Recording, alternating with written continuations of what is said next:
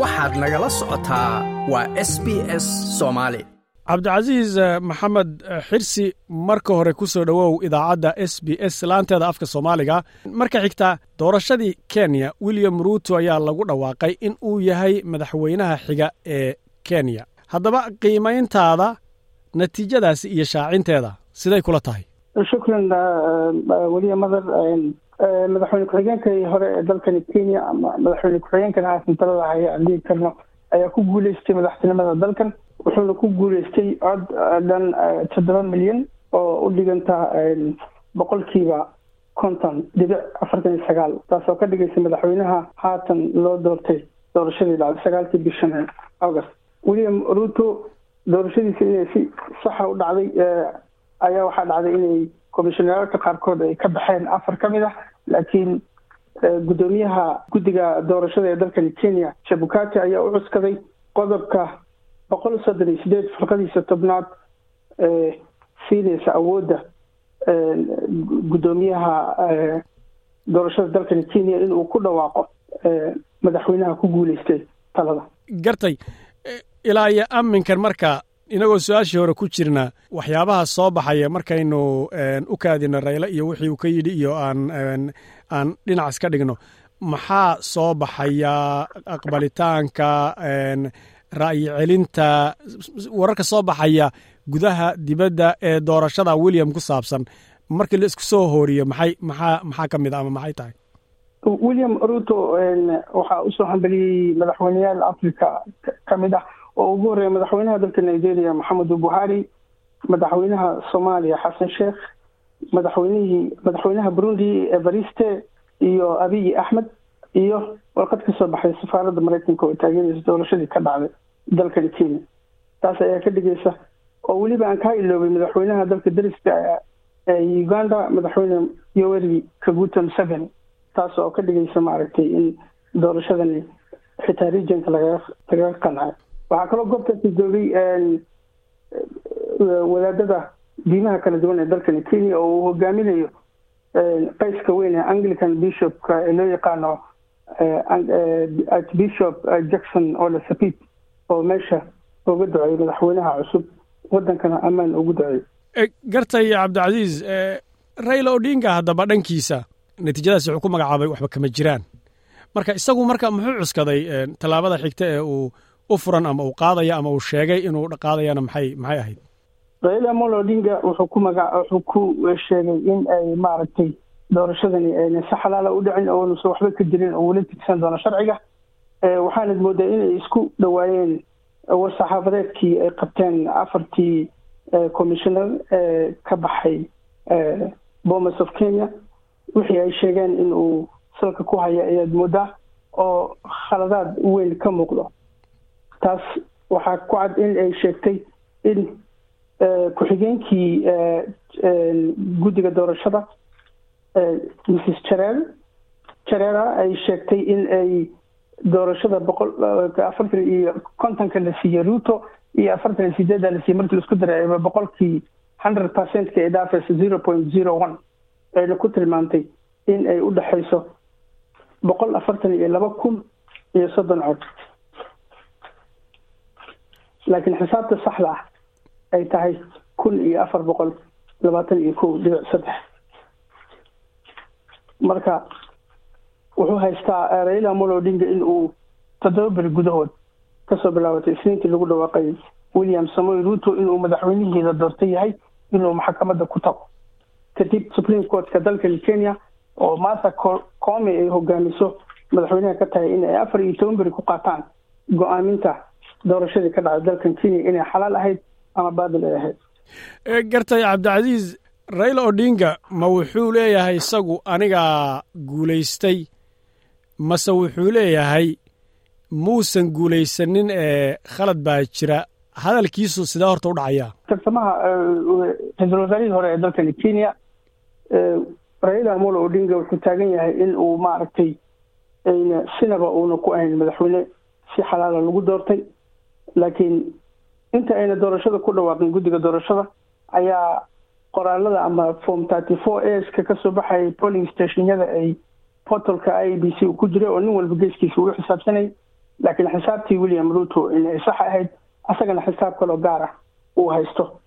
Laakiin awoodda waxaa iska leh maxkamadda sare ee dalkan kenya oo kala saari doonto in arrintan ay u dhacday si xalaal ah ama si khaldan. Taas oo ay u eg tahay sida hadda hata xisaabta ay sheegeen ay khaldan tahay dhankanka william ruto. Laakiin la fiirin doono taya ahaan iyo tiro ahaan in uu wax ka khaldanaa processkii dhacay. Iyay u eg tahay dadka khubrada sharciga darsa in ay maxkamadda sare ee dalkan kenya taasi ay fiirin doonto. Laakiin xisaabaadka sidii u socdeen xitaa afartan commissioner ka baxay ma ayna xaqiijinin mana la socdaan waxay ku leeyihiin maana arkin waxa meesha ka socda wayna fadhiyeen ilaa maalinkii ugu dambeysay ay ka soo baxaan.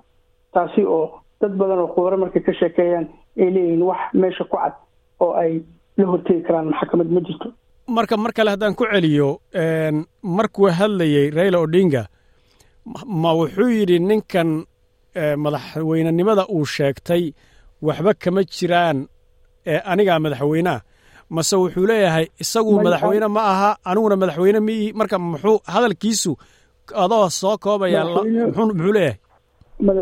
Madaxweynenimo muuna sheeganin ra'iisul wasaarihii hore dalkan kenya raila amolo odinga laakiinse wuxuu ku tilmaamay in uu sharcigii dhannaa ama awooddii commissionarka ee ku dhawaaqidda doorashadan uu hal qof ah uu awood ku yeeshay taasi oona la la yeelaynin marka macnaheed waxa weeye guddida guddigii doorashada guddigii doorashada ee iskhilaafay halkaasuu angalkaasuu isagu yuu yuu cuskanayaa oo uu leeyahay sharci ma aha sida loogu dhawaaqay buu leeyahay. Sharci maaha sida loogu dhawaaqay tuuganimona wey jirtuu leeyahay. Marka ma uusan sheegan madaxtinimada dalkan kenya laakiin wuxuu sheegay in uu sharciga la tigsan doono. Hay qodobkaa uu qabsaday haddaba ee guddida kala qaybsanaanteeda ah maxay ka dhigan tahay marka haddii uu ku dacwoodo ama sida ay u dhigayaan markaad fiiriso maxay ka dhigan tahay? Dad dadka khibrada darse ee constitutionka dalkan kenya looyarada markii ay ka hadlayaan waxay ku leeyihiin qodobka uu cuskaday raila amolo odinga iyo commissionarada ka baxay. Waa khaldan yahay oo wuxuu ahaa nin la yidhaha maynata citation ay ku sameeyaan. Maxkamadda wax uu geeyey hadda ka hor oo ah in resultiga laguga dhawaaqo polling stationyada goobaha laga codeynayo marka isma laha waxa ay qaadanayaan laakiin tan uu cuskaday guddoomiyaha guddiga doorashada ayaa sax ah because returning officerka ee national tallying centerga jooga ayaa ku dhawaaqaya because xisaabta waxayba ku jirtayba portalka marka wax cusub oo asaga uu keensaday ma aha. Marka waxaad leedahay nambarka hadda layskuma khilaafi kara macnaheedu may ka dhigan tahay nambarka laga hadlayo nambarka laga hadlayo laiskuma khilaafi karo khaladaad yariiris way jiri karaan laakiin wax macno leh ma aha.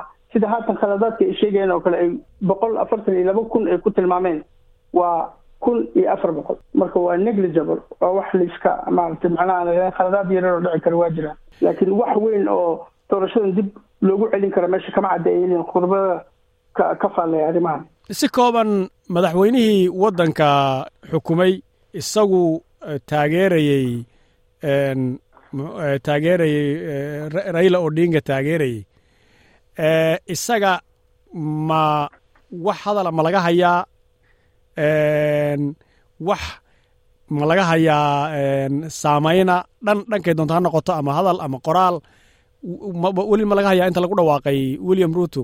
Madaxweynaha iyo madaxweyne ku-xigeenkiisa si bareer cad ayay ku kala tageen madaxweynahana wuxuu taageerayey ra'iisul wasaarihii hore ee dalkan kenya raila amolo odinga wax tahniyad ama hambalyo ah oo haatan uu u diray.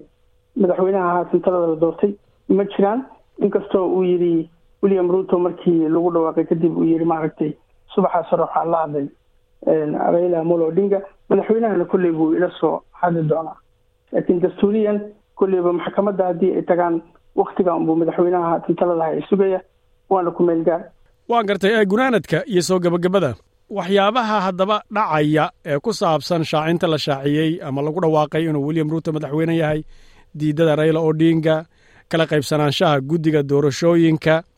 Waxaasoo dhan haddaad isku soo koobto ood isku soo horiso maxaa la filayaa dhammaadka sheekadan inay ku dhammaan doonto? Haddii la cuskado sheekooyinkii hore kenya soo martay iyo wax la mid a hadduu jiro ama qoraallo ama aragtiya soo baxaya maxaa la fili karaa? Wejiyada la fili karoo kale maxay noqon kartaa inay ku dhammaato doorashadani? Doorashadan sida haddaba kuu sheegay madarow dadka ka falle waxay leeyihiin xataa haddii maxkamad u tago raila amolo odinga wax weyn oo hadda uu cuskado ama qaladaad weyn oo cuskado meesha ma yaallo oo dib loogu soo celiyo t twenty seventeenkii ka dhacday dalkani kenya lagu soo celiyey doorashada madaxweynenimada ee ku noqodka ahayd oo isaga uu maxkamadda tegay uma ekatan aada iyo aad bayna oga huufan tahay khaladaad fara badan sababtoo ah wax allaala wixii soo dhacay oo cod ah waxaa la soo gelinaya internetka muxuu aha portalka i b c ga oo qof walba uu ka soo dejisan karay. Xitaa shacbiyan anoo kale aan ka fiirin karin form thirty four s ka ka soo baxay two hundred and ninety constituencyga dalkan uu ka kooban yahay kaasi wuxuu ahaa cabdicasiis maxamed xirsi saxafi madax bannaan oo ku nool ama ku sugan caasimadda waddanka kenya nairobi. Cabdicasiis aad baad u mahadsan tahay? Shukran saydi aad iyo aad baa umahadsan tahay. Ma doonaysaa sheekooyinkan oo kale? Ka dhegayso apple podcast google podcast spotify ama meel kasta oo aad bodkastigaaga ka hesho